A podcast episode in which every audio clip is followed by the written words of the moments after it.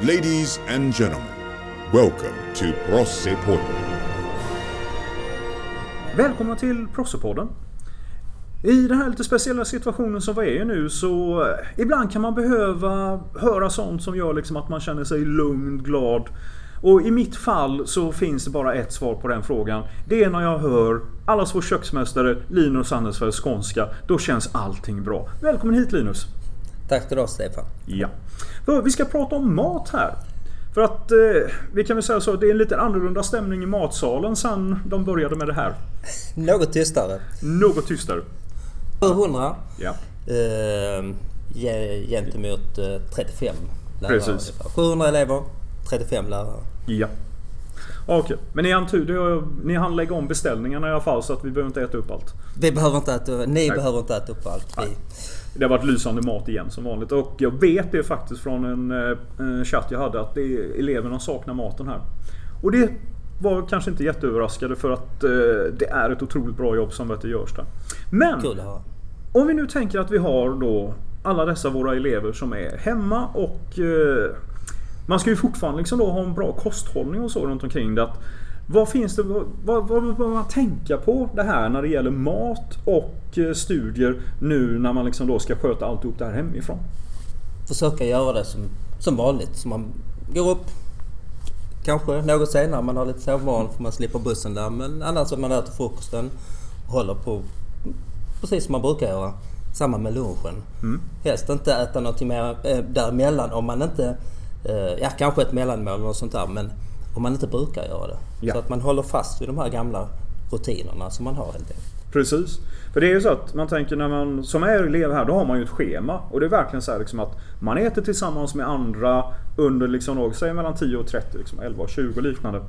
Och nu då är det ju en helt annan eh, vardag och det viktiga där är ju kanske liksom då som jag känner som lärare att man inte börjar liksom flytta in maten i andra saker man gör. Vare sig det är nöjesgrejer, att man sitter och tittar på liksom Netflix eller man följer med i studier. För att det försämrar båda. Alltså det är säger. lätt, väldigt lätt att tappa fokus. Mm. Om man här, och, och, ja. Nu är det så att man, har man en lektion så, så kan det vara lite störande kanske om man Absolut, eh, ja. sitter med det. Men sen har vi hälsoaspekten också för det här med att hålla på och ligga och liksom lågintensiv äta under långa tider med liksom någonting bredvid sig.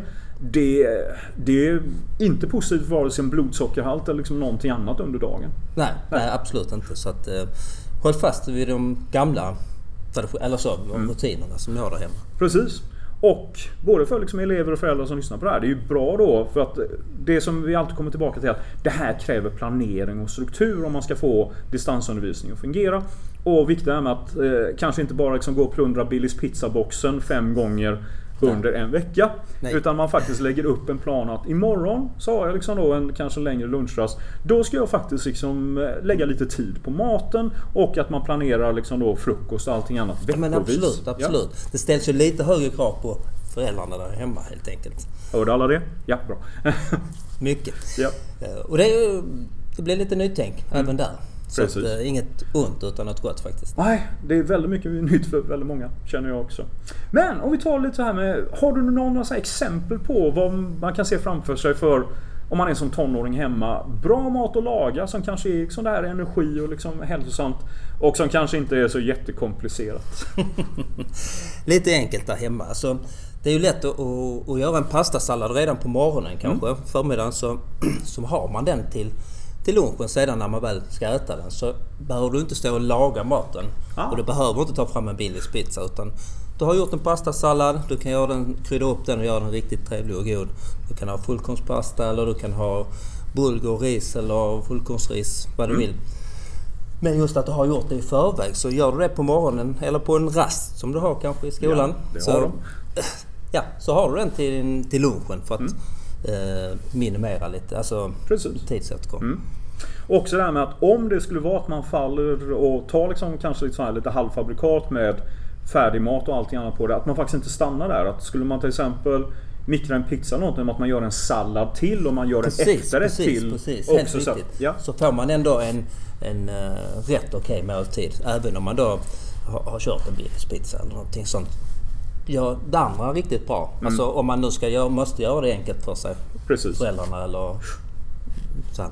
Så att eh, sallad till, någon bra, bra dricka, lite antioxidanter, kanske kan göra någon, Mm. någon form av juice eller någonting, eh, smoothies. Ja. Och om man är ny i köket, eh, vad finns det för riktiga vinnare bland till exempel kryddor? Alltså, jag tror att det är många, många liksom ungdomar här som får en chans att upptäcka köket på ett annat sätt nu.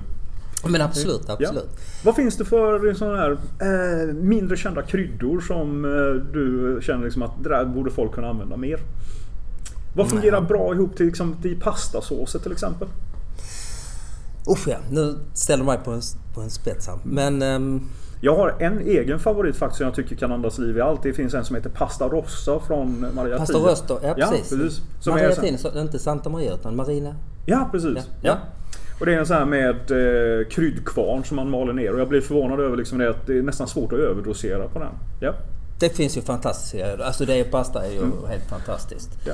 Eh, annars kan de göra den eh, basilikaoljan som vi brukar göra här. Har massa Ja. med basilika. Maila. Linus ifall ni vill ha receptet. ja, ja, jag ska inte ta receptet här. ja, okej. Ja, jag kan ta det snabbt om det är... ja Alltså, absolut. ja, ja, ja. Kom igen. Det är ju bara eh, vanlig matolja, basilika, eh, vitlök och eh, salt. Sen om man då vill göra en pesto av den så kan man ju alltid ha pinjenötter till.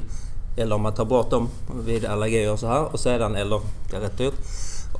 Och sedan då bara par- parmesan, river ner lite parmesan och sen mixar det här så blir det fantastiskt god liksom eh, pesto till, eh, till salladen där, pastasalladen eller till, till pastan helt enkelt. Wow. Mm. Så där mina vänner låter det när ett proffs talar om mat. Yes. Okej.